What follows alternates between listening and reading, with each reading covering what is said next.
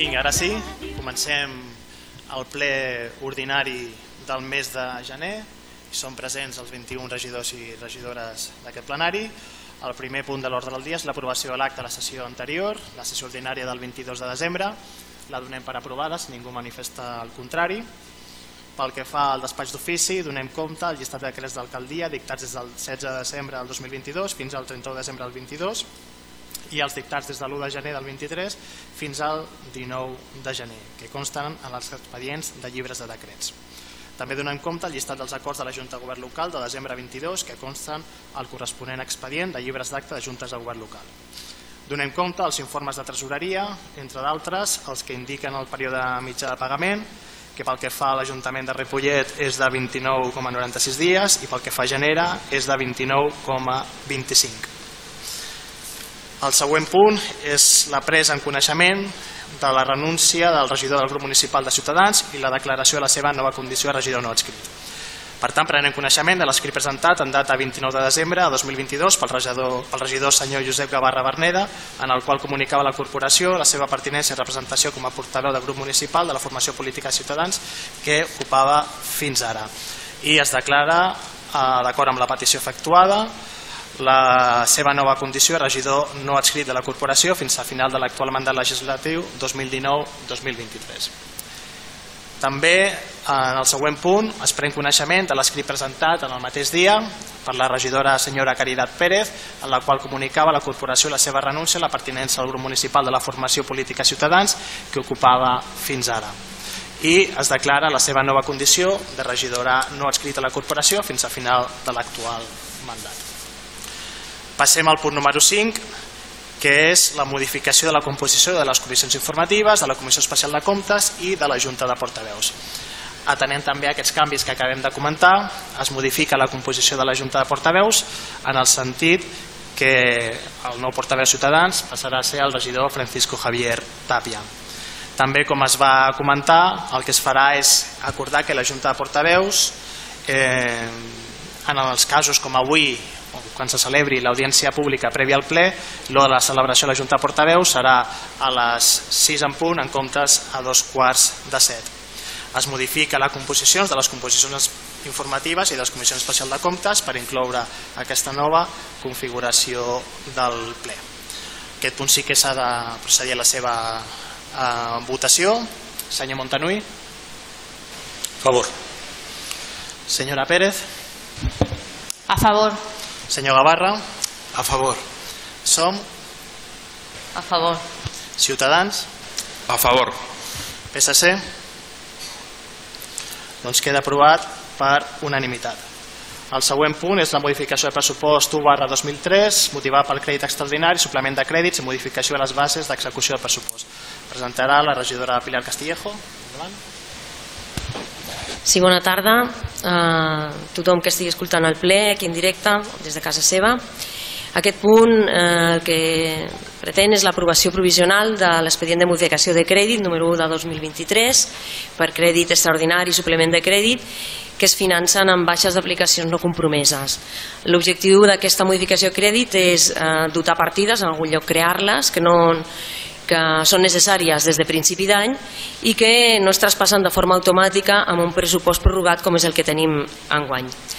Eh, es tracta de dos grups importants de partides, d'una banda subvencions nominatives per serveis de participació, serveis socials, igualtat, educació, cultura, benestar animal, medi ambient, que les partides aquestes de les subvencions nominatives no es passen d'un any a l'altre, i també una modificació d'una partida que es va fer durant el 22 i per tant no queda reflectit al 23 que és el mig milió d'euros que està en una partida del contracte de servei d'assistència domiciliària al capítol 4 i es traspassa al complet al capítol 2 sense cap eh, increment però sí es fa aquesta modificació eh, amb aquestes subvencions es, partida, es, es financien partides del pressupost que ens permeten dotar amb algunes entitats que dèiem que realitzen accions específiques d'aquestes entitats i per tant van dotades amb subvencions nominatives com ara projectes de suport a l'alfabetització de persones adultes subvencions a la Gresca per projectes de segues al lleure a la infància i l'adolescència en risc d'exclusió de, social una subvenció a la Creu Roja de Ripollet per projectes d'acció per al foment de la dignitat de les famílies vulnerables, subvencions a diferents associacions de veïns, Maragall, Can Vargas, Can Mas, Sant Andreu, eh, subvencions també a l'Associació d'Animals Ripollet, eh, a l'agrupació de defensa forestal, a l'ADF, amb un tema que vam tractar aquí fa poc, pel riu, per la gestió i vigilància de l'entorn agroforestal de la llera del riu Ripoll, i també doncs, per la comissió organitzadora del Sant Antoni Abat perquè dugui a terme la festa de Sant Antoni Abat, una festa que recuperem després d'uns anys que s'havia perdut, amb una dotació suficient per poder dur a terme aquelles activitats que s'han programat per aquest any de recuperació de la festa. Gràcies. Gràcies. Passem a votació. Senyor Montanui. Favor. Senyora Pérez. Abstención. Senyor Gavarra. Sí, el meu posicionament serà l'extensió, donat que no puc estar a favor després d'haver fugit del debat pressupostari i haver prorrogat el pressupost d'aquest any, per tant, ho deixem amb una extensió i, i ho deixem així. Gràcies. Som. A favor. Ciutadans. A favor. PSC. Sí, bona tarda a tots i totes, a les persones que s'escolten des de casa i als veïns i veïnes que s'acompanyen avui al ple.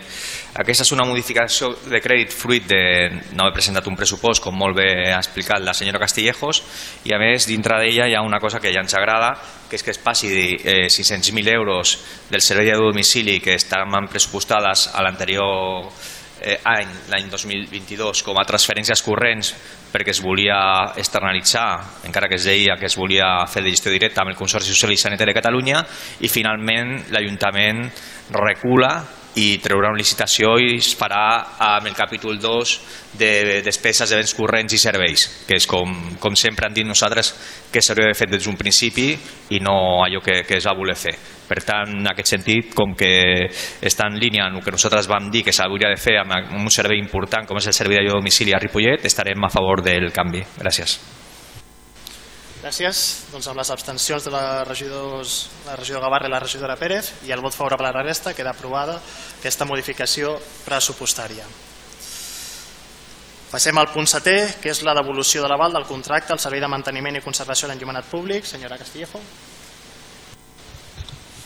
Sí, molt bé. En aquest punt aprovem la devolució de les garanties dipositades per l'empresa SECE, que és l'anterior empresa que portava el manteniment de l'enllumenat públic, per un import de 2.115,47 euros, amb concepte de garantia definitiva per la licitació del contracte de serveis de conservació i manteniment de l'enllumenat públic de Ripollet. Com que l'òrgan de contractació el seu dia va ser el ple, doncs és també aquest òrgan a qui correspon la devolució de l'aval. Eh, aquest contracte, com hem dit ja, l'empresa demana la devolució de l'aval perquè ja ha finalitzat els serveis amb, amb l'Ajuntament a través d'aquesta empresa.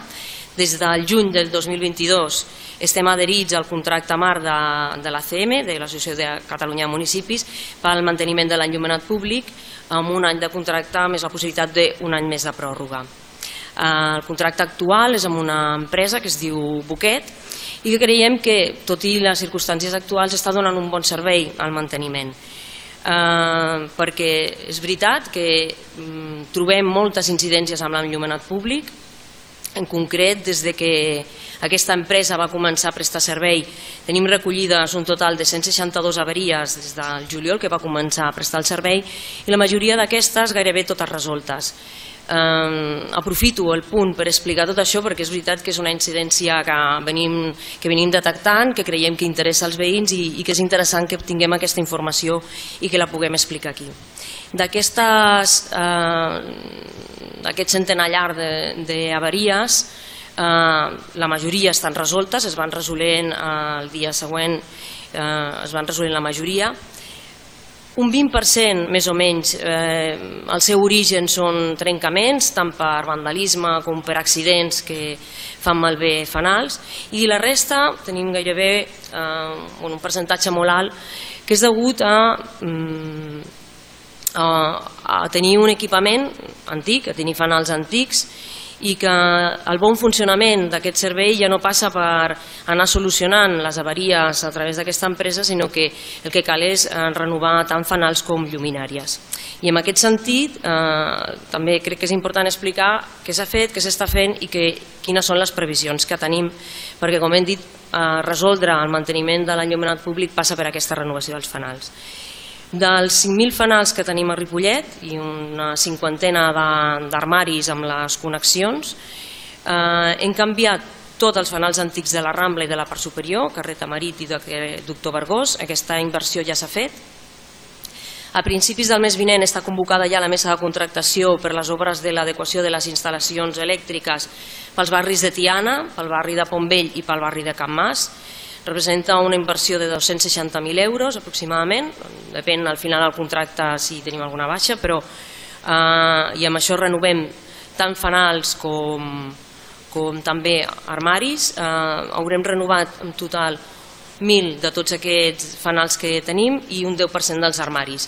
També és important que destaquem que no només eh, tindrem menys avaries no? perquè posem fanals nous, sinó que també eh, la, la renovació de les llumenàries ara ja es fa amb, amb llum LED i per tant això implica un estalvi econòmic important, econòmic i energètic.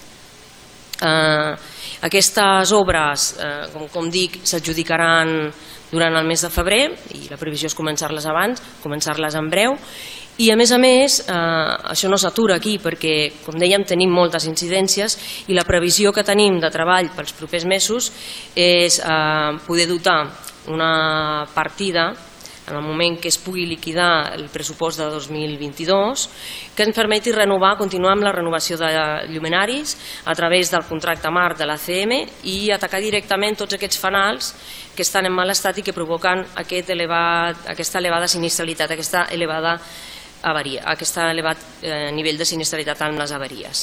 Eh, com dèiem, això ens representa un estalvi energètic i econòmic, a més a més, amb el, amb el canvi a LED. Una vegada finalitzat tant aquestes inversions ja fetes com les previstes ara per Can Mas, Tiana, Pombell, com les que tenim previstes amb, a través de la nova incorporació de, d'inversions acabarem renovant un 40% de les lluminàries de tot el municipi. Gràcies. Gràcies. En tot cas, el que s'aporta a aprovació és aquesta devolució del contracte a CECE per un import de 2.115,47. Passem a votacions. Senyor Montanui. A favor. Senyora Pérez. Vota a favor. Senyor Gavarra. A favor. Som. A favor. Ciutadans. Sí, por, por parte de Ciudadanos nuestro voto será a favor. Eh, no entraremos a valorar el discurso electoralista que ha formulado eh, la regidora porque creemos que no deja de ser más que eso, un discurso electoralista más propio de eh, pre-campaña, campaña electoral, que del punto que nos ocupa. Nuestro voto, por tanto, será a favor. PSC. Hola, bona tarda a tots. El nostre vot també en el punt 7, que és la devolució de la fiança, serà favorable en el discurs que ha fet la senyora Pilar Castillejo eh, de com es fa la inversió, que sí que està molt bé que s'han de fer aquestes inversions, però crec que en aquest punt avui no tocava fer aquesta intervenció. Gràcies. Molt bé, doncs queda aprovat per unanimitat aquest punt. Passem al següent, que és la modificació a la relació de llocs de treball. Senyora Castillejo. Sí, de nou eh, salutacions. Eh, la modificació de la relació de llocs de treball 2023 eh, comporta mm, sis, cinc propostes de modificació.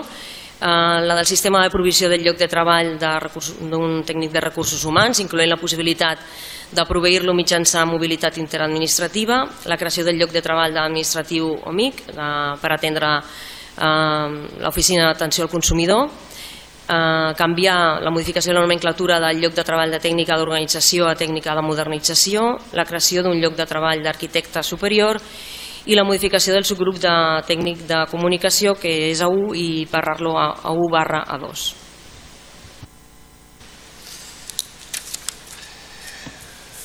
Votacions. Senyor Montanui. A favor. Senyora Pérez. A favor.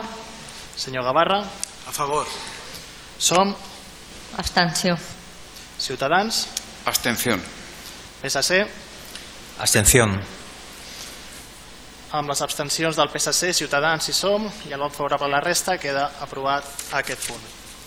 Passem al punt número 9, que és l'aprovació del Pla Estratègic Industrial. Regidora Meritxell Caler, endavant. Bona tarda a totes i tots. Gràcies, alcalde. Em, a continuació ex- eh, explicaré breument què, què, ens, què ens va moure a elaborar aquest pla estratègic que va ser elaborat per, per UPIC, una associació sense ànim de lucre compromesa amb les empreses, associacions i polígons del territori. Quin és l'objectiu d'aquest pla estratègic, els principals eixos i les accions de treball. Però abans volia fer una petita no, concreció sobre per què el portem ara no, a ple, perquè és veritat que, que aquest pla ja va ser presentat no, el mes de maig.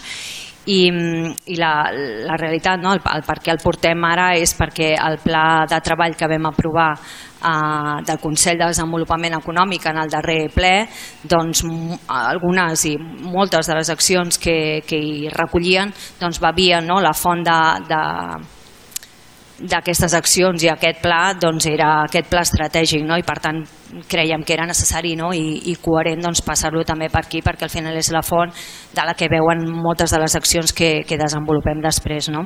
i llavors bueno, creiem que era una necessitat no? L'objectiu d'aquest pla estratègic no? doncs és posicionar Ripollet com a un lloc atractiu per treballar i per viure, no? desenvolupar l'activitat econòmica, retenir talent i generar projectes innovadors eh, alineats amb els objectius de desenvolupament sostenible que, que venen marcats no? amb aquesta agenda 2030. No?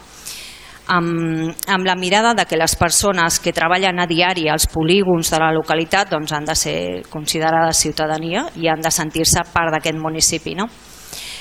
Em, a aquest, a, per, què, per què aquest pla estratègic? No? Per què l'elaboràvem?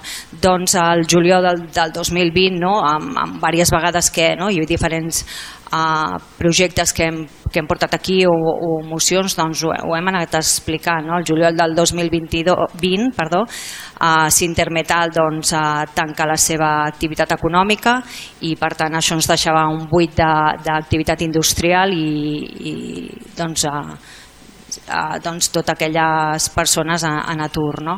Això ens fa moure, ens fa doncs, començar a activar i, i trucar portes diferents, no? ja ho hem explicat diverses vegades, no? la Generalitat, el Govern d'Espanya, no? però en totes eh, les, les primeres reunions a les que eh, ens presentem doncs ens, ens reclamen i ens demanen que anem amb un pla estratègic perquè mm, no podem pensar només en com omplim aquell buit, no? com, un, com una mena d'activitat urbanística, sinó què creiem o què pensem, no? hem de traçar unes línies i dir què volem no? que sigui Ripollet eh, en, en matèria de, de desenvolupament econòmic i industrial. No? I és amb aquesta intencionalitat doncs, doncs que el fem. No?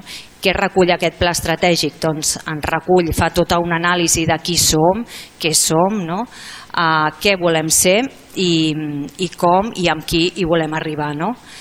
Què som? Doncs, uh, doncs uh, tenim, com sabeu, doncs una realitat uh, socioeconòmica complexa, eh, amb un 21% del territori que correspon a polígon industrial. Eh, tenim, com sempre, no? hi ha moltes diferents eh, doncs, problemàtiques que, que ens trobem, moltes venen derivades d'aquesta densitat, d'aquesta manca de, de territori no? i doncs, el que tenim eh, és el que som i, i no podem abarcar més. No? no podem créixer a nivell quantitatiu, però sí, no? que com, com aquest pla estratègic doncs, una mica ens marca, sí a nivell qualitatiu. No? Um, què, què, què més som? No? Doncs tenim una oferta uh, formativa doncs, uh, d'alta qualitat no? amb aquests uh, instituts amb uns cicles formatius uh, molt potents i molt, molt ben situats i molt ben valorats en el territori.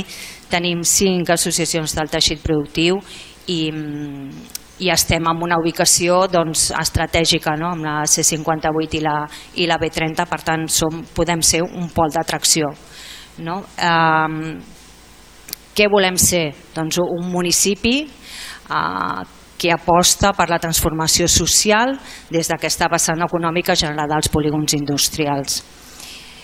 I, i aquest, doncs, uh, aquest pla estratègic doncs, uh, no, per arribar a aquesta fita doncs, ens marca quatre grans programes estratègics que vertebren no, un pla d'acció d'11 eixos de treballs i 36 línies d'actuació i 79 accions de, de les quals doncs, ja, ja hem iniciat i estem treballant doncs, al voltant d'una trentena. No? Aquests quatre grans uh, programes estratègics uh, són per una banda el teixit, fer un teixit, enfortir el teixit empresarial, no? doncs fer un associacionisme actiu i fer una taula de competitivitat, no? que en aquest cas doncs, el, el Consell de Desenvolupament Econòmic doncs, ja ens serveix no? en aquesta línia. Um, hem d'anar cap a uns polígons industrials sostenibles i per tant hem de treballar la circularitat, la transició i l'eficiència energètica, mobilitat sostenible i canvi climàtic hem d'humanitzar els polígons industrials, no? hem de donar-li aquesta vessant i aquesta transformació social, hem de fer espais amables i saludables, amb perspectiva de gènere i amb aquest vincle ciutat-polígon perquè sabeu que sovint no? ens estem tocant no? amb un, amb, només amb un sol carrer o una sola vorera ja separa el polígon industrial del que seria la, pròpiament el municipi. No? i que més doncs, el, quart, el, el quart gran programa estratègic doncs, és ser, com us deia, doncs, amb aquesta idea que tenim d'aquesta qualitat formativa que tenim, doncs, ser un hub de coneixement industrial no? en formació i retenció de talent que permeti desenvolupar un nou tipus d'emprenedoria dins de l'espai d'innovació que estem projectant no? i i tenir el lideratge comarcal de la FP Dual, que bueno, és una, una història que estem, una història, és una línia en la que estem treballant i amb la que estem doncs, fent bastant, bastanta força no? a, també en, en, en educació. No? I el més important també és com hi volem arribar no? i qui, que, que és eh, no, a, amb qui volem anar, no? si, si això ho impulsem sols no? com, a, com a administració, com a ajuntament o com, no? a, com generem que passi com aquest engranatge eh, s'activa i, i es posa en acció no? I, i arribem a aquest Uh, no? i podem enriquir doncs, per aquesta línia no? I, i aquesta, aquest com que crec que, que és important doncs és aquest model de, de cinc palanques no? que són les empreses i les associacions empresarials no? uh, doncs una, unes empreses que evidentment tenen la situació doncs, uh, actual no? uh, molt creuades amb aquesta crisi geopolítica i econòmica no? que estan lluitant per mantenir els seus negocis per per adequar-los a, a les noves característiques i les noves uh, problemàtiques que es troben no? I, i les que ja s'han de fer han de fer front, com és aquesta transició energètica i la digitalització. No? I aquí doncs, bueno, uh, només uh, vull agrair no? i felicitar la feina que està duent a terme l'Associació d'Empreses de Ripollet, no només el seu, no, envers els seus associats, sinó amb aquesta mirada de municipi, no? perquè crec que és el, el gran valor d'aquesta associació no només és doncs, com estan intentant doncs, desenvolupar o crear uns serveis no? per, per seus propis associats o per les seves la, les empreses, sinó doncs, amb aquesta mirada del municipi com la seva influència eh, pot generar doncs, aquesta riquesa i, i, i, i, i han doncs, col·laborat doncs, tant en el projectes com el Pla d'Usos de l'Espai d'Innovació, en aquest pla estratègic, no? han, han col·laborat molt i han donat el seu parer i moltes de les accions doncs, bé, venen no? d'aquestes de, de, demandes no? de, de, de tot aquest teixit productiu, en estudis sobre economia circular, en projectes que hem dut a terme de transició energètica i sostenibilitat, i per tant creiem que és molt necessària doncs, mantenir aquesta cooperació público-privada i aquesta feina conjunta crec que, que ho així ho avala. No? L'altra palanca doncs, és la ciutadania, no? amb els joves i l'emprenedoria, aquest accés a la participació en disseny d'accions que els facin doncs, interaccionar amb les empreses locals, no? perquè sovint hi ha molta distància, ja ens trobem doncs, a empreses no? amb, que, que estan envellint no? i no tenim no? aquest relleu i, i per una altra banda, com deia, doncs, tenim emprenedores, tenim uh, gent molt ben formada no? i hem, hem de ser capaces doncs, de fer, i, i amb això estem treballant, no? doncs que es faci realment aquest match no? entre les dues parts. La tercera palanca, la formació indispensable, eh, molt necessari tant a demanda de les empreses com, com a demanda de, dels propis uh, centres educatius. No? Després l'administració pública, no? doncs dissenyar aquestes polítiques econòmiques que transformin socialment els polígons industrials i després sense perdre de vista no, que és la, quinta, la, la, la cinquena palanca que és l'entorn, no? treballar per tenir uns polígons industrials neutres climàticament el 2050, no? fidels a aquests uh, tractats i a aquests acords que, hem de, que haurem de complir. No? I, mm, i fins aquí, com us deia, tenim ja moltes accions a, en marxa no? i, i una, bueno, crec que un, un pas que vam fer uh, i que i respon molt a aquesta aquesta col·laboració que hem, que hem estat duent a terme no? amb l'associació i que d'aquí neix l'associació doncs, va ser tot aquest pla de modernització del polígon Gadesbank no? i aquestes intervencions per, per valor d'un milió d'euros dels quals doncs, 850.000 eh, venien de la Diputació de Barcelona i 250.000 d'aportació de l'Ajuntament no? i crec que és la línia de treball que hem d'anar doncs, fent no? doncs, a, a nivell de, de, doncs, a millores uh, urbanístiques però també amb tota aquesta mirada posada que us, he, que us he anat explicant i que és aquest pla uh, i aquesta estratègia de desenvolupament econòmic i industrial. Gràcies. Molt bé, passem a votacions. Senyor Montanui. A favor. Senyora Pérez. A favor. Senyor Gavarra. A favor. Som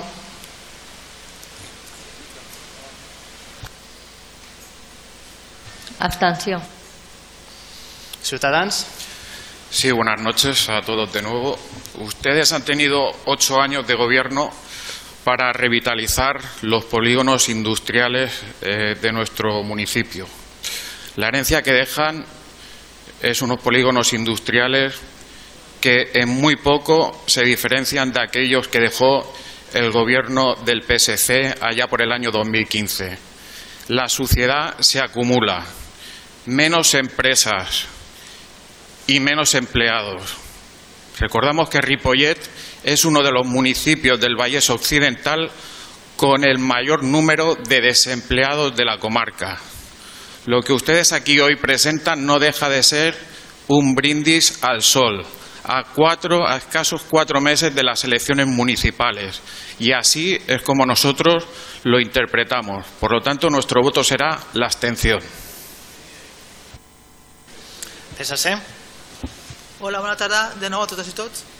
Això que ens presenten avui no és un pla estratègic, és un estudi molt específic de la situació en la qual es troben els nostres polígons i com afecta a Ripollet doncs el tema de les autopistes, el tema de, de, del clavegram, de la de, de neteja i de, i de tot tal com està els polígons. Aquest estudi està, està molt bé que s'hagi fet perquè era molt necessari. Després de, 4, de, després de 8 anys eh, ja s'ha fet, però falta veure com s'implementaran el temps han donat una sèrie de, de prioritats però no especifiquen ni el temps ni el cost que tindrà aquesta implementació. Des del PSC volem agrair al teixit empresarial que ha fet possible també aquest estudi i on sabem que hem de continuar treballant força per activar els nostres polígons. El nostre vot serà de l'extensió. Gràcies. Gràcies. No sé si hi ha alguna qüestió més. Um, jo crec que si... Bueno, és que uh, per una banda, senyor Tàpia, uh, no deixem, però ni, ni, de, ni de molt lluny, després de, de 8 anys, els polígons, ni, la, ni el teixit empresarial, ni les indústries com les vam trobar. Per començar, no hi havia ni tan sols un servei d'empresa, no hi havia cens d'empresa, no hi havia absolutament res treballat en aquesta línia. Val? Nosaltres hem creat aquest servei, hem començat a fer tota aquesta feina de a connectar, de parlar amb el teixit productiu, de crear una associació, de buscar un milió d'euros, creus que no és uh, inversió suficient? Evidentment no és suficient, però és una inversió i s'han fet unes millores. Per tant, sí que hem treballat en aquesta línia. Estem treballant en moltes línies de transició energètica. Estem de la mà de l'associació aquesta d'empreses. Estem el, el pla d'industrialització de, de, del Consell Comarcal, estem en el pla d'industrialització de l'àrea metropolitana. Per tant, abans no hi érem en, tot, en tots aquests llocs. ara hi som, estem treballant, estem de la mà de totes aquestes, tenim tota, tots aquests recolzaments supramunicipals, hi ha eh, contestant també alhora, no? doncs moltíssim, hi, ha, hi ha accions aquí marcades, no és, una, no és un diagnòstic, sinó que hi ha accions marcades, hi ha calendari d'accions i en el, en el Consell de Desenvolupament Econòmic les hem tractat, les hem calendaritzat també i estem treballant amb elles i anem parlant. Per tant, eh, ho sento, però no, no són certes cap de les dues afirmacions.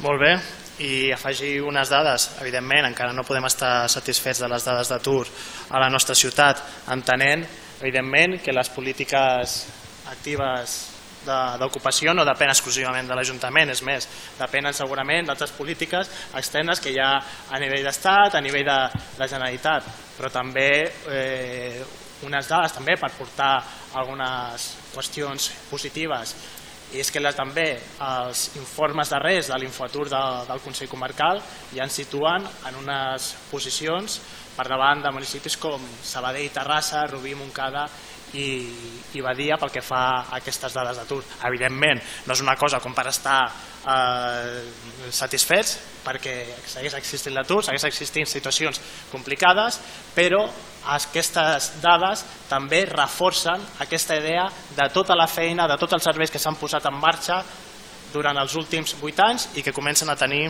aquests, aquests eh, resultats. Eh, amb les abstencions del PSC, Ciutadans i, i SOM, i amb el vot favorable a la resta queda aprovat aquest pla estratègic industrial. El següent punt és el pla local d'adaptació l'aprovació del pla local d'adaptació al canvi climàtic de Ripollet. Senyor Eric Plata, davant. Sí, gràcies. Bona tarda un altre cop. Um, L'àrea metropolitana de Barcelona ha elaborat el seu propi pla d'adaptació local per al canvi climàtic 2018-2030 on s'han identificat els riscos relacionats amb les sequeres, inundacions, els temporals marítims, incendis forestals i les temperatures extremes, entre d'altres. Un impacte directe sobre el territori metropolità.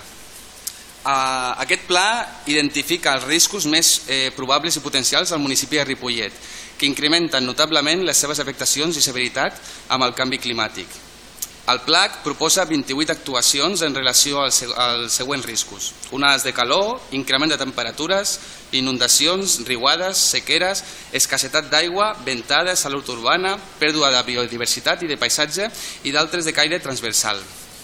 Alguna d'aquestes actuacions val a dir que nosaltres ja tenim començades moltes d'elles, com per exemple l'increment del verd urbà per reduir l'efecte de, de, de l'illa de calor, manteniment de les lleres i cursos del riu, eh, treball coordinat eh, per identificació de refugis climàtics per a Ripollet, que en els dos últims anys hem iniciat espais municipals per a poder eh, facilitar refugis per a, sobretot al col·lectiu de gent gran, i d'altres actuacions que sí que ens hem de posar a treballar, com per exemple els estudis sobre la possibilitat d'utilització de recursos hídrics propis per, al seu curs, o sigui, per, per la seva utilitat com a aigua potable.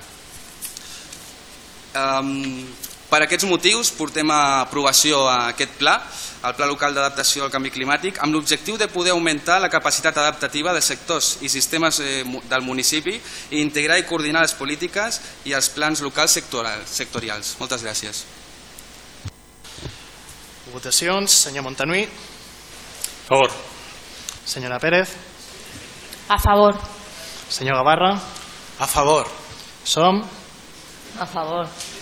Ciutadans. A favor. PSC. Hola, eh, bona tarda a tothom. Eh, nosaltres votarem, el nostre vot serà favorable, però ja li, li van, tal com vam comentar el senyor Eric Plata, que ens agradaria que aquest pla, que sí que el, ens va enviar el pla d'adaptació, i va comentar que sí que s'havien fet aquestes millores, que es pugui compartir amb, amb la resta de, de, de regidors. Sobretot el que també és important és que quan compartim aquesta, aquest, aquestes actuacions que vagin acompanyades també de lo que és el pla també econòmic que té sobretot a l'hora de, de fer una avaluació. Evidentment que estem d'acord amb, el, amb el pla que se, amb la diagnosis i amb el pla que s'ha fet, però sobretot és important que, que es compar... bueno, a mesura que, que, com va dir, que s'hauria de compartir amb la resta de, de, de regidors i important també és la cronografia i també el, el timing i el, i el pla econòmic que també que va darrere d'això i els recursos de, de dotació de cada, de cada una de, de cadascuna d'aquestes partides. Moltes gràcies. Gràcies. Doncs si no hi ha... Sí, sí, sí més que res, mm, gràcies per la teva aportació, és correcte. De fet, bueno, ja vam fer una reunió prèvia fa un parell de mesos, un, més d'un mes, eh, on van venir des de la MBA a fer la presentació d'aquest pla, les 28 accions que es portaven a, a proposta per a aquest municipi, i, i és correcte, eh, el que anirem fent és compartir aquesta informació, eh, farem un seguiment exhaustiu i qualsevol dubte que tingueu ens podem tornar a reunir, com ja vam fer en altres ocasions, per a treballar aquests, eh, aquestes actuacions. I i agrair a tots el, el vot favorable. Moltes gràcies. Perfecte, doncs queda aprovat per unanimitat aquest pla local d'adaptació al canvi climàtic. Ara passem al punt de la moció, que hi ha una única presentada a l'ordre del dia pel grup de Decidim, que porta per títol Moció en contra dels canvis legislatius que proposa el PSOE per fer fora famílies de les seves cases ocupades en 48 hores, la llei desocupa, eh, presenta Decidim, però és una moció que ens va fer arribar la plataforma Faltes per la Hipoteca, en tot cas, senyora Reyes Muñoz, si no vol presentar. Bé, bona tarda a totes i gràcies, i sobretot a la PA, per venir-hi, per lluitar i per seguir.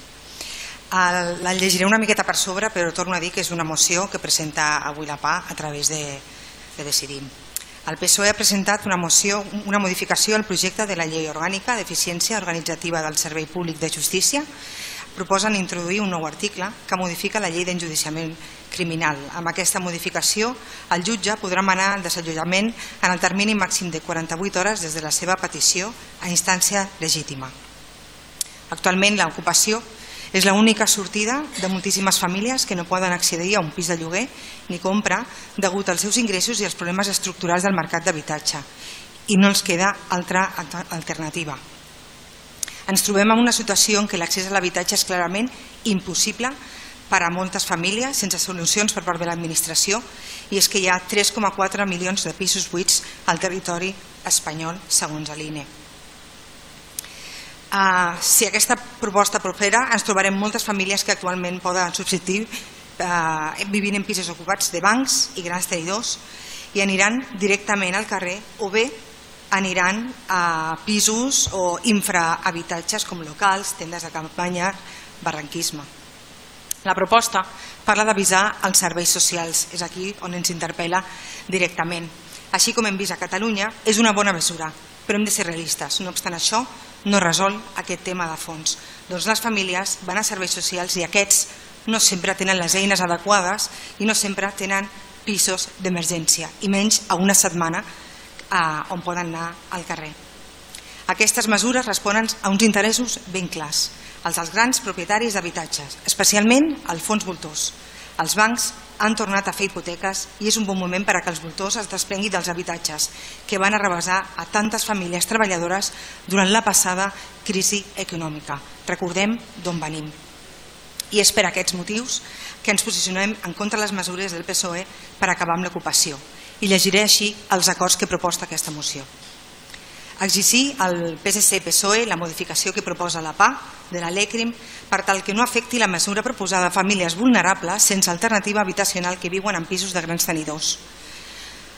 Segon, compromís en no posar traves il·legals als padrons dels municipis a famílies que viuen, que viuen ocupant per tal de, eh, que puguin accedir a serveis bàsics sense problemes com el de salut o el de l'educació. 3. Compromís d'augmentar el parc públic i comunitari al, al municipi, per tal que ningú es trobi la situació d'haver ocupat en pis eh, en el futur. Quart, compromís de no perseguir ni reprimir col·lectius ni les persones que defensem el dret a l'habitatge digne. Cinquè, compromís d'oposar-se a les modificacions tant del Codi Penal com d'altres lleis que vagin a endurir les penes per ocupació a famílies vulnerables, que l'únic que aconsegueixen és criminalitzar la pobresa. 6. Compromís de no alimentar els discursos d'odi que es promouen des de l'extrema dreta i ja des de fa gairebé de tot l'arc eh, parlamentari contra l'ocupació, vinculant ocupació i delinqüència de forma molt interessada. Gràcies. Gràcies, senyora Muñoz. Torn de votacions i posicionaments. Senyor Montanui. Favor. Senyora Pérez. Voto en contra. Senyor Gavarra. Des d'una perspectiva liberal i consagrant el dret a la propietat privada com un dret fonamental que empara la nostra Constitució, no puc estar a favor de, de textos com aquest i per tant el meu vot serà contrari. Som? Sí, votarem en contra. Ciutadans. Sí, eh, desde nuestro punto de vista, mmm, pues nos extraña que en ninguno de los puntos de esta moción se hable de crear políticas de empleo, porque el empleo es lo que posibilita tener eh, la suficiente tranquilidad, el suficiente dinero como para tener una vivienda digna, ya sea en propiedad o en alquiler. El empleo ha sido machacado durante, estas últimas legislaturas a nivel nacional y eso, se quiera o no, repercute a la hora de poder acceder a una vivienda. Desde Ciudadanos creemos que el binomio propiedad privada y derecho a la vivienda es compatible y no solo que es compatible, sino que es obligado. Por lo tanto, nuestro voto en esta moción será en contra. PSC.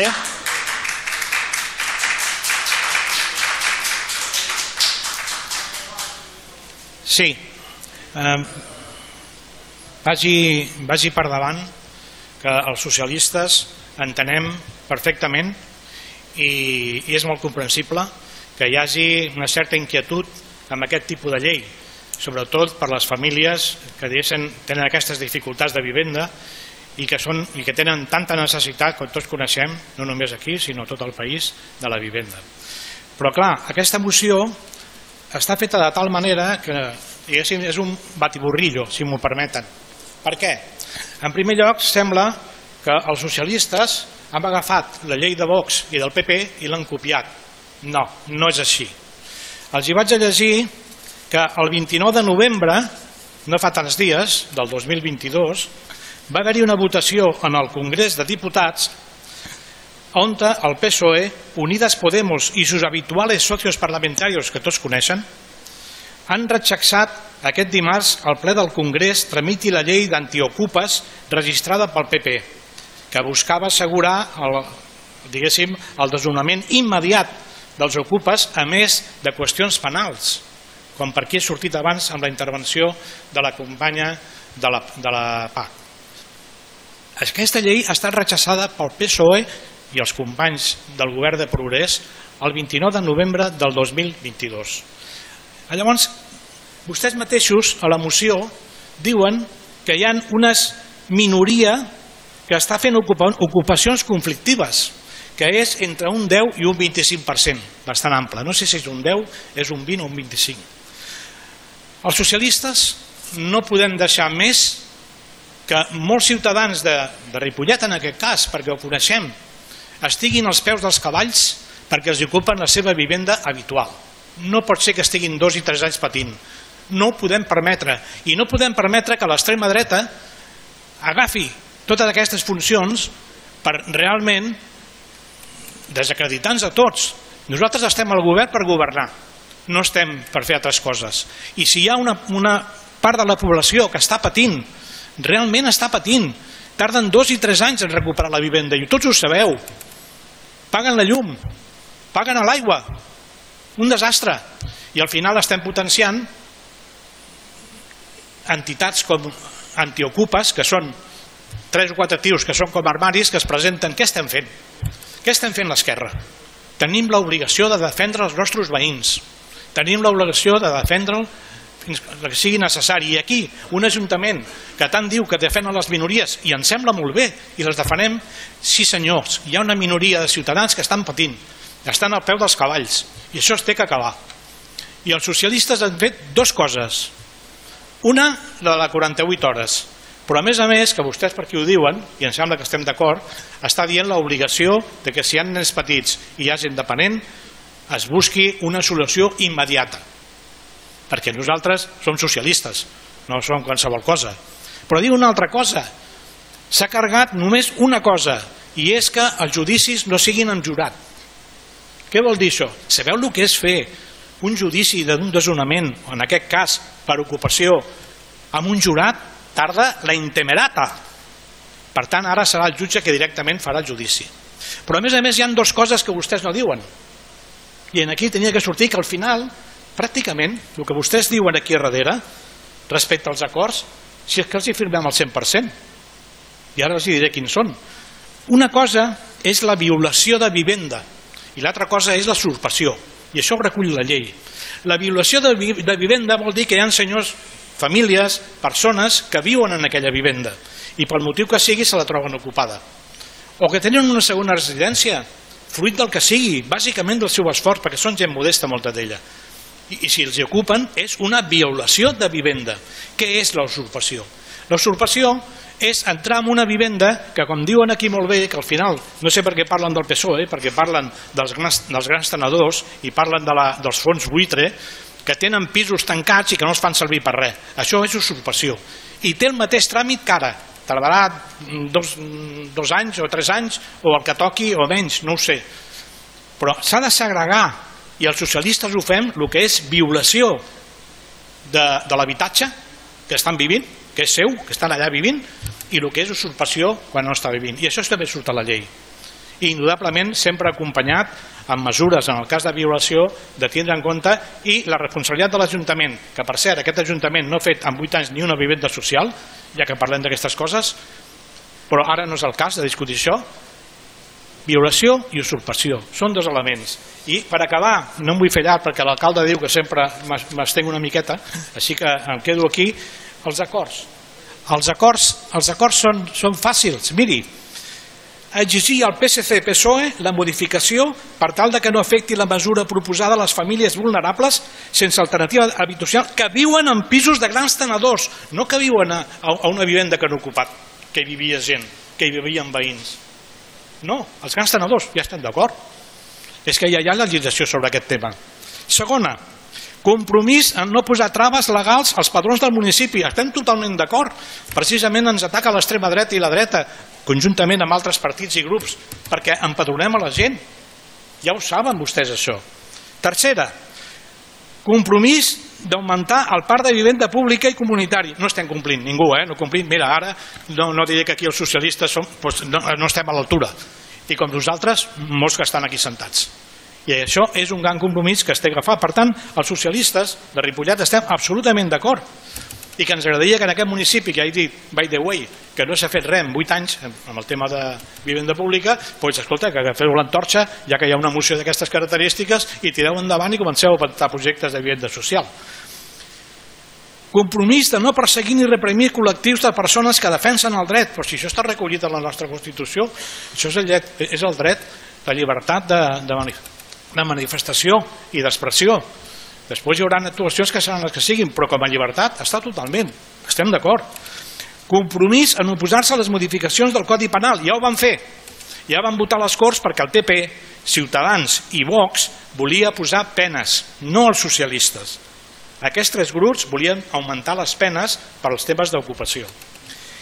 I finalment, compromís en no alimentar el discurs d'odi que promou des de l'extrema dreta i ara ja des de gairebé tot l'art parlamentari. Els socialistes, amb el tema del, del, dels drets civils, em sembla que no tenim, no tenim cap, cap problema amb això, al contrari. Som el, el, el partit polític d'aquest país que amb llums i sombres durant aquests 40 anys més drets civils, més drets civils ha aprovat, de tot tipus. Per tant, absolutament d'acord. O sigui, un, dos, tres, quatre, cinc, sis punts estem d'acord. Què és el que no estem d'acord? En què presentin un full que sembla que sigui un alegato contra el PSOE i entenent, entenent la inquietud, que a més a més és una llei que encara no s'ha aprovat pel Parlament, està pendent d'esmenes que poden millorar. També és cert que és molt difícil el tema de vulnerabilitat, ja ho veurem com va tot. Però aquesta és eh, la posició dels socialistes i per tant nosaltres votarem en contra, claríssimament. Gràcies. Gràcies. Senyora Reyes Muñoz, Ara sí, eh? Gràcies. Uh, bé, uh, crec que és massa fàcil opinar sobre aquest tema assegudes aquí, a les nostres cadires, i crec que hauríem d'escoltar més aquelles persones que sí que estan passant per aquesta situació. I aprendre, aprendre molt, equivocar-se molt uh, d'aquestes realitats tan crues pels veïns i veïnes del territori i situacions molt crues que estan passant. Crec que val la pena reiterar que aquesta moció mira cap a grans tenidors i fons voltors i així ho diu. I crec que també és molt fàcil desviar el tema cap a un altre, senyor Tàpia. Recordo que l'Ajuntament sí que està fent accions de polítiques d'habitatges, però mai són suficients, això és cert. Però la primera acció que va ser va ser crear el Departament d'Habitatge que no existia. Vale? També m'agradaria afegir un parell de cosetes que crec que és important dir. I una és que com a serveis socials, que em toca directament, no? volem fer-nos càrrecs d'aquestes situacions, volem acompanyar, volem facilitar allò que pertoqui a les persones, però també ens hem de plantar quan les eines que se'n donen són tan precàries. Necessitem més suport supramunicipal i crec que aquí vosaltres sí que podeu fer la vostra. I vosaltres també. L'altre punt és que veig que sempre posem l'accent en l'ocupació i considerem que no estem posant l'accent on toca, que és l'accés a l'habitatge. L'habitatge digne, que se suposa que és un dret, està sent un luxe al nostre territori i això no ho podem permetre. O sigui que des d'aquí només ens queda dir que gràcies per tota la feina que feu, que heu fet i que fareu pa, gràcies per vostre empoderament col·lectiu, gràcies a l'acompanyament individual que feu cadascun dels casos que porteu i per la, la vostra lluita imparable. Però també he de dir gràcies a serveis socials, pel vostre dia a dia, que encara no tenim les eines adequades, intenten, intenten que les persones de Ripollet visquin una miqueta millor. Gràcies.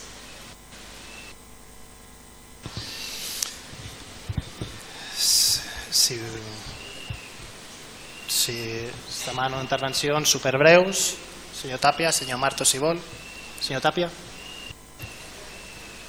Sí, eh, señora Reyes, eh, desde su atalaya quizá no vea la realidad de Ripollet, pero uno que vive en el barrio de Canmas la visualiza día tras día. No vive en un chalet a las afueras ni nada de nada. Yo vivo en el barrio de Canmas desde hace 36 años y veo como hay locales ocupados donde eh, se genera eh, malestar a los vecinos que padecen día tras día durante los últimos ocho años de gobierno de Decidim, y no les culpo a ustedes de las ocupaciones, sino que digo que esos locales están ocupados desde hace ocho años generando malestar a los vecinos generando malestar y se sabe qué personas ocupan esos locales y gente que precisamente no tiene problemas de vivienda porque tiene una vivienda que utiliza ese local para otros fines y las utiliza pues para otros fines. Bueno, sí, pero yo le hablo de ocupación, le hablo de ocupación. Le hablo de ocupación, que los vecinos de Camas, y le digo Camas porque yo resido ahí, estamos padeciendo el fenómeno. ¿De acuerdo? Ayuda sí, pero evidentemente también comprensión a los vecinos que sufren y padecen el fenómeno en sus carnes. Gracias.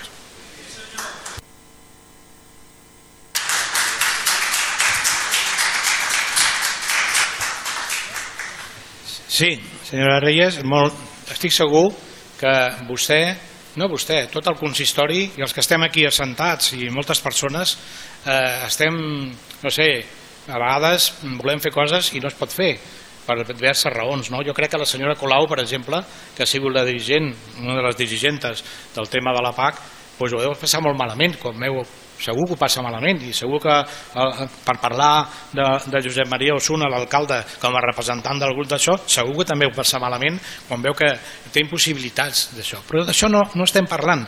No estem parlant del desnonament per hipoteques. No estem parlant dels llogaters ocupes, vostès que estan aquí sentats, molts coneixen el desastre que hi ha en alguns casos de llogaters per cert, l'Ajuntament ha fet un intent que està molt bé, copiat d'altres, però està molt bé, que era aquell lloguer fixe, que permetia després. El llogaters ocupes és increïble. No vull parlar de casos que coneixo personalment d'un amic meu que ja ha traspassat i que era un gran humanista, una persona excel·lent i que a més el coneixeu tots, les va passar canutes amb el pis que tenia llogat perquè ni li pagaven, se n'enfotien i a sobre quan va poder marxar al cap de no sé quants anys va trobar el pis destrossat. I no, és un exemple per dir què passa. Nosaltres aquesta minoria no la deixarem ja desemparada. S'ha acabat. Els socialistes no deixarem desemparat quan hi hagi violació de vivenda. Amb el tema de llogaters la llei no entra i amb el tema de les hipoteques ja saben vostès millor que jo com està el tema hi ha hagut un intent quan hi ha hagut la pandèmia d'intentar frenar perquè no poguessin fer fora les persones jo crec que és un gran tema pendent per tant la llei tampoc afecta el desnonament per hipoteques només estem parlant de violacions i usurpacions repeteixo. El Partit Socialista, els socialistes en l'Ajuntament van fer 110 vivendes socials. Molt poques, segur. Segur. Aquí estem, estem discutint això, però en van fer 110.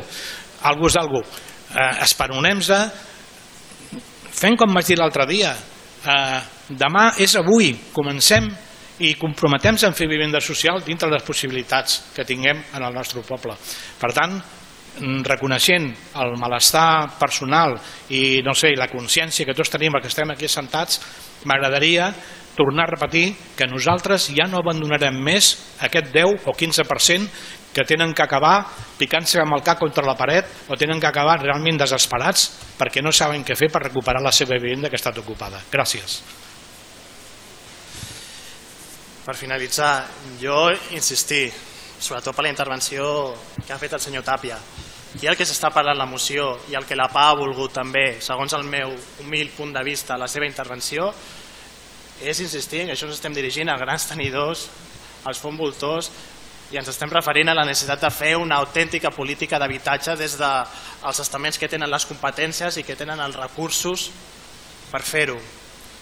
I senyor Tàpia, vostè o té un, uns nassos molt grans o té un desconeixement profund de la feina que, que fa la regidora Reyes Muñoz. Això de dir que hi ha una talaia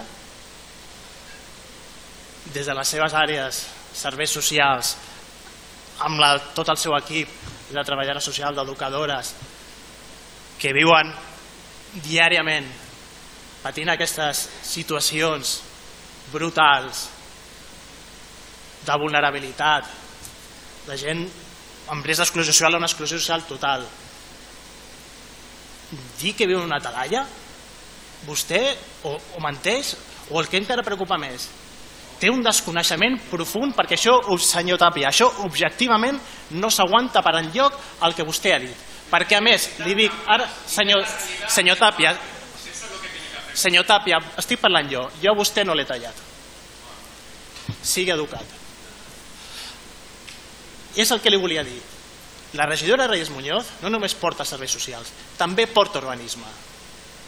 Tant ella com jo, com a alcalde, hem estat en contacte en particulars que s'han pogut trobar també amb aquests casos que, que vostè esmentava. I hem estat amb ells, ens hem reunit, els hem entès, els hem comprès i hem col·laborat, perquè així hi ha exemples i així hi ha gent que ho pot dir, hem col·laborat a fer possible que aquestes persones poguessin recuperar el seu pis i les persones que hi havia dins que poguessin accedir a un altre habitatge hem estat comprensius, i li podria posar casos concrets, però evidentment no, no ho farem. Hem estat, hem estat comprensius i ho seguirem fent. Per tant, això de una talalla no té res a veure, perquè precisament vostè ve aquí cada ple diu aquest local ocupat, però no se'n torna, però no se'n torna a recordar fins al ple següent. Vostè passa els... Però no m'interrompi, no m'interrompi de nou. No m'interrompi, no, vostè se n'oblida. Se n'oblida durant les quatre setmanes, només ve aquí i diu aquest local ocupat què passa? I, entre, i entremig, no bé, senyor alcalde, estic molt preocupat per això, anem a parlar, què podem fer? Sobretot perquè vostè si diu no, no hi ha solucions, encara més rau vostè hauria de venir i dir, alcalde, no esteu fent res, anem a fer això, això, això, no sé, no sé quanto, i vostès això no ho esteu fent. No, no, enganyi la, no, no enganyi la gent perquè la persona que no ha fet absolutament res els últims 8 anys té nom i cognom i és Francisco Javier Tapia. Vinga amb, amb el vot contrari del regidor, regidor Caritat Pérez, regió Gavarra, som Ciutadans i PSC, el favorable de regió Montano i de Seguim Ripollet, queda aprovada la moció. Molt bé. Ara ja passem al punt de pregs i, i preguntes. Un segon.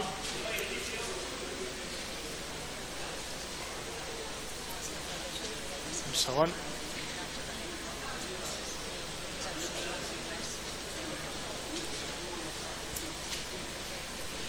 Senyor Montanui. Senyora Pérez. Senyor Gavarra. Som. Eh, Ciutadans.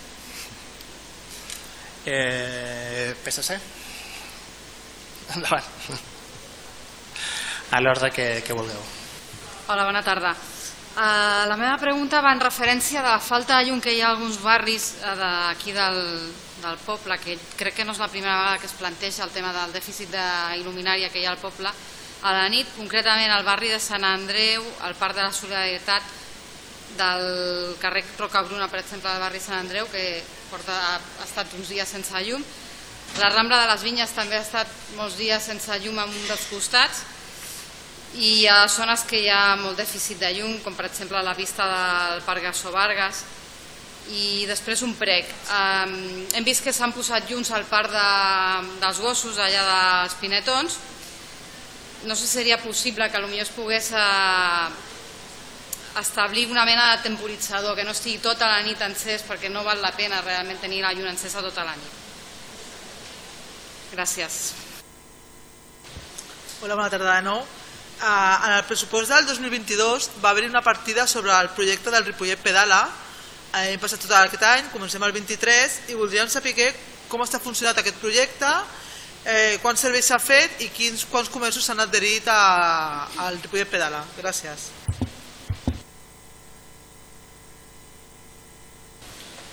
Sí, buena tarde de nuevo. Eh, yo tengo dos pre una pregunta y un PREC. Eh, empezaré con el PREC. El PREC es referente a un caso que me han hecho llegar, no diré la persona por tema de confidencialidad de datos, eh, sobre una persona eh, mayor, eh, pensionista, con una discapacidad eh, reconocida, eh, que está viviendo una situación de emergencia económica y social en, con su familia, durmiendo en un sofá.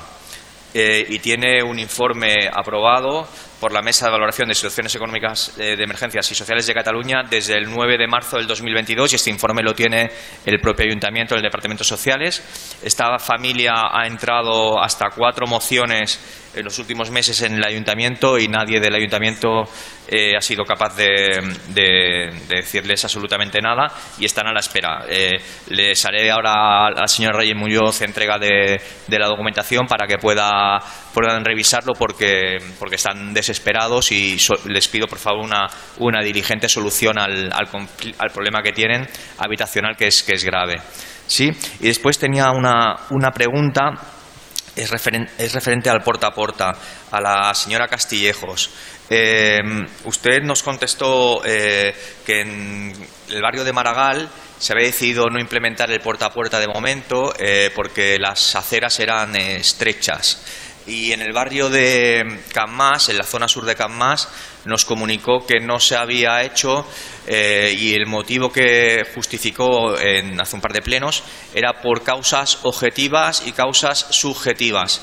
Eh, nos gustaría saber eh, a qué se refiere con causas objetivas y causas subjetivas.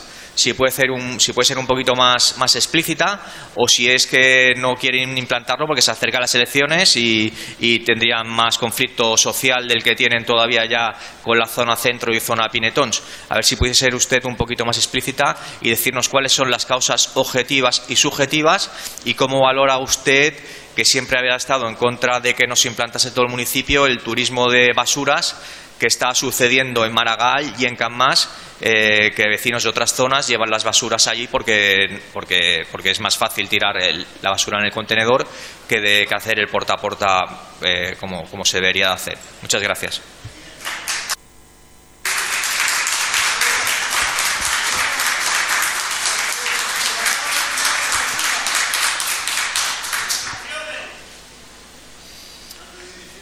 Regidors, regidores que vulguin contestar. Senyor Uriel Mor. Sí, bona tarda a tots i a totes. Eh, en relació a la pregunta de les, del mes passat de l'Escola de Música, eh, i de les matriculacions i de la tarificació social, només informar i perquè quedi constància, estem acabant el padró d'aquest mes perquè siguin les dates reals, la setmana que ve els rebran. Val? La matriculació ja us ho vaig comentar, que està al voltant de les 70 persones, val? però tot el que és el desglòs dels trams us ho farem arribar la setmana que ve. Senyor Fran Sánchez.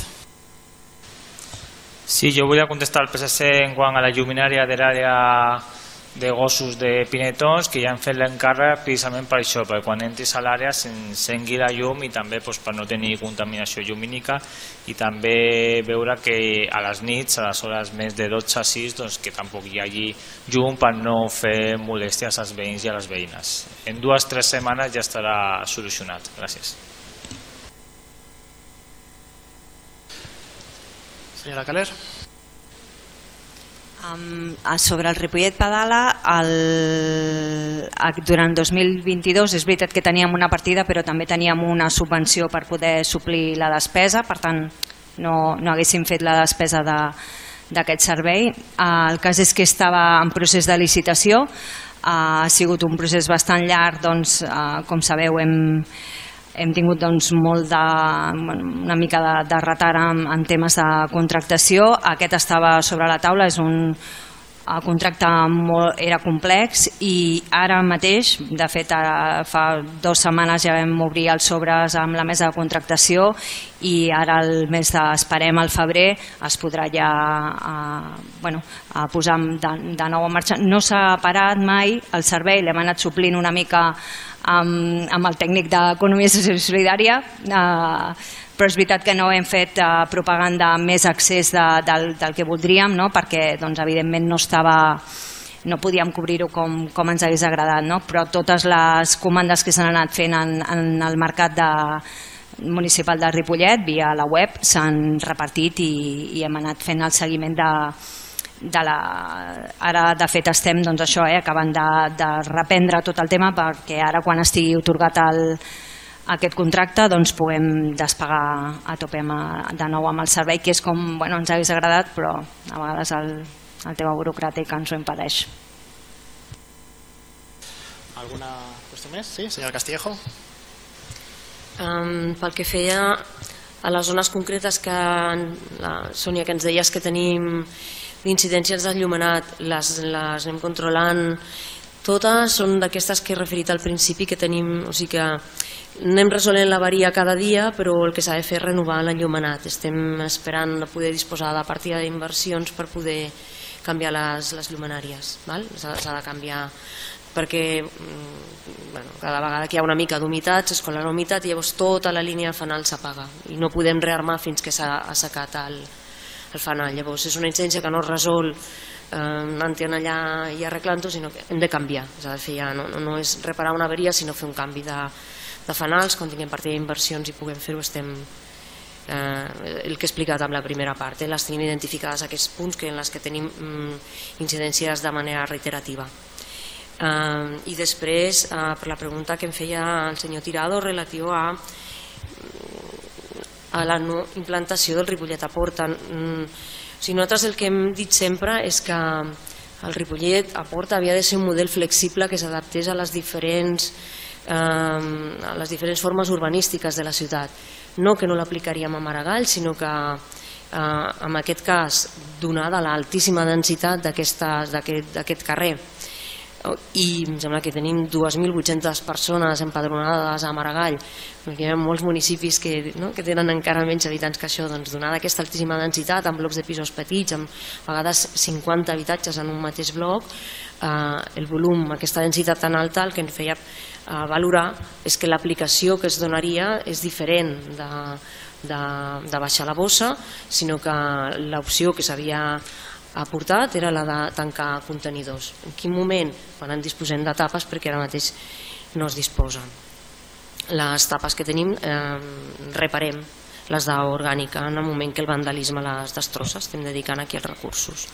Amb el tema de, de, de Can Mas, eh, jo crec que també ho vam explicar, nosaltres entenem com dèiem, eh? o sigui que ha de ser un model que s'adapti a la realitat urbanística en cada moment i que a més a més eh, enteníem que havíem de de consolidar les passes que hem fet fins al moment.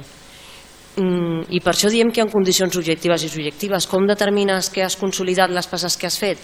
Doncs hi ha una part que és subjectiva, que són les dades que podem rebre de, de quin volum, quines tonelades estem eh, estem separant adequadament i això és una objectiva però també hi han dades o de quantes tones, bueno, també són dades de quantes tones recollim fora de, del, de, del Ripollet a Porta i també subjectives de fins a quin punt eh, eh, està, o sigui, hem de fer hem de continuar amb les fases de sensibilització, de pedagogia, d'acompanyament, perquè aquest procés encara no està consolidat estem en aquest moment i la sensació que tenim és que les passes que anem fent són en positiu, la sensació que tenim per exemple durant aquests mesos estem fent molt esforç amb l'acompanyament comercial en determinar, ara que va portant un temps ajustar molt bé el dimensionament de cada una de les fraccions en quins casos s'utilitza el bujol multiproducte en quins casos una vegada mm, porten un temps amb aquest sistema és millor eh, fer un,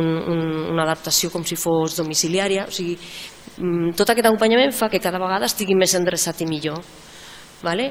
En temes domiciliaris creiem que la recollida també eh, els dies de recollida s'incrementen però és evident que encara hi ha moltes incidències els dies que no toca recollida per tant, eh, consolidat perquè puguem fer més passes creiem que hem de continuar incidint amb la fase de, pedagogia i acompanyament abans de donar més passes i, i, i acabar de fermar aquest, aquest, aquesta consolidació del, del, del projecte tal i com el tenim ara. O sigui, en cap moment hem dit que no s'hagi de fer, sinó que hem de, de moment estem aprofundint amb les altres fases.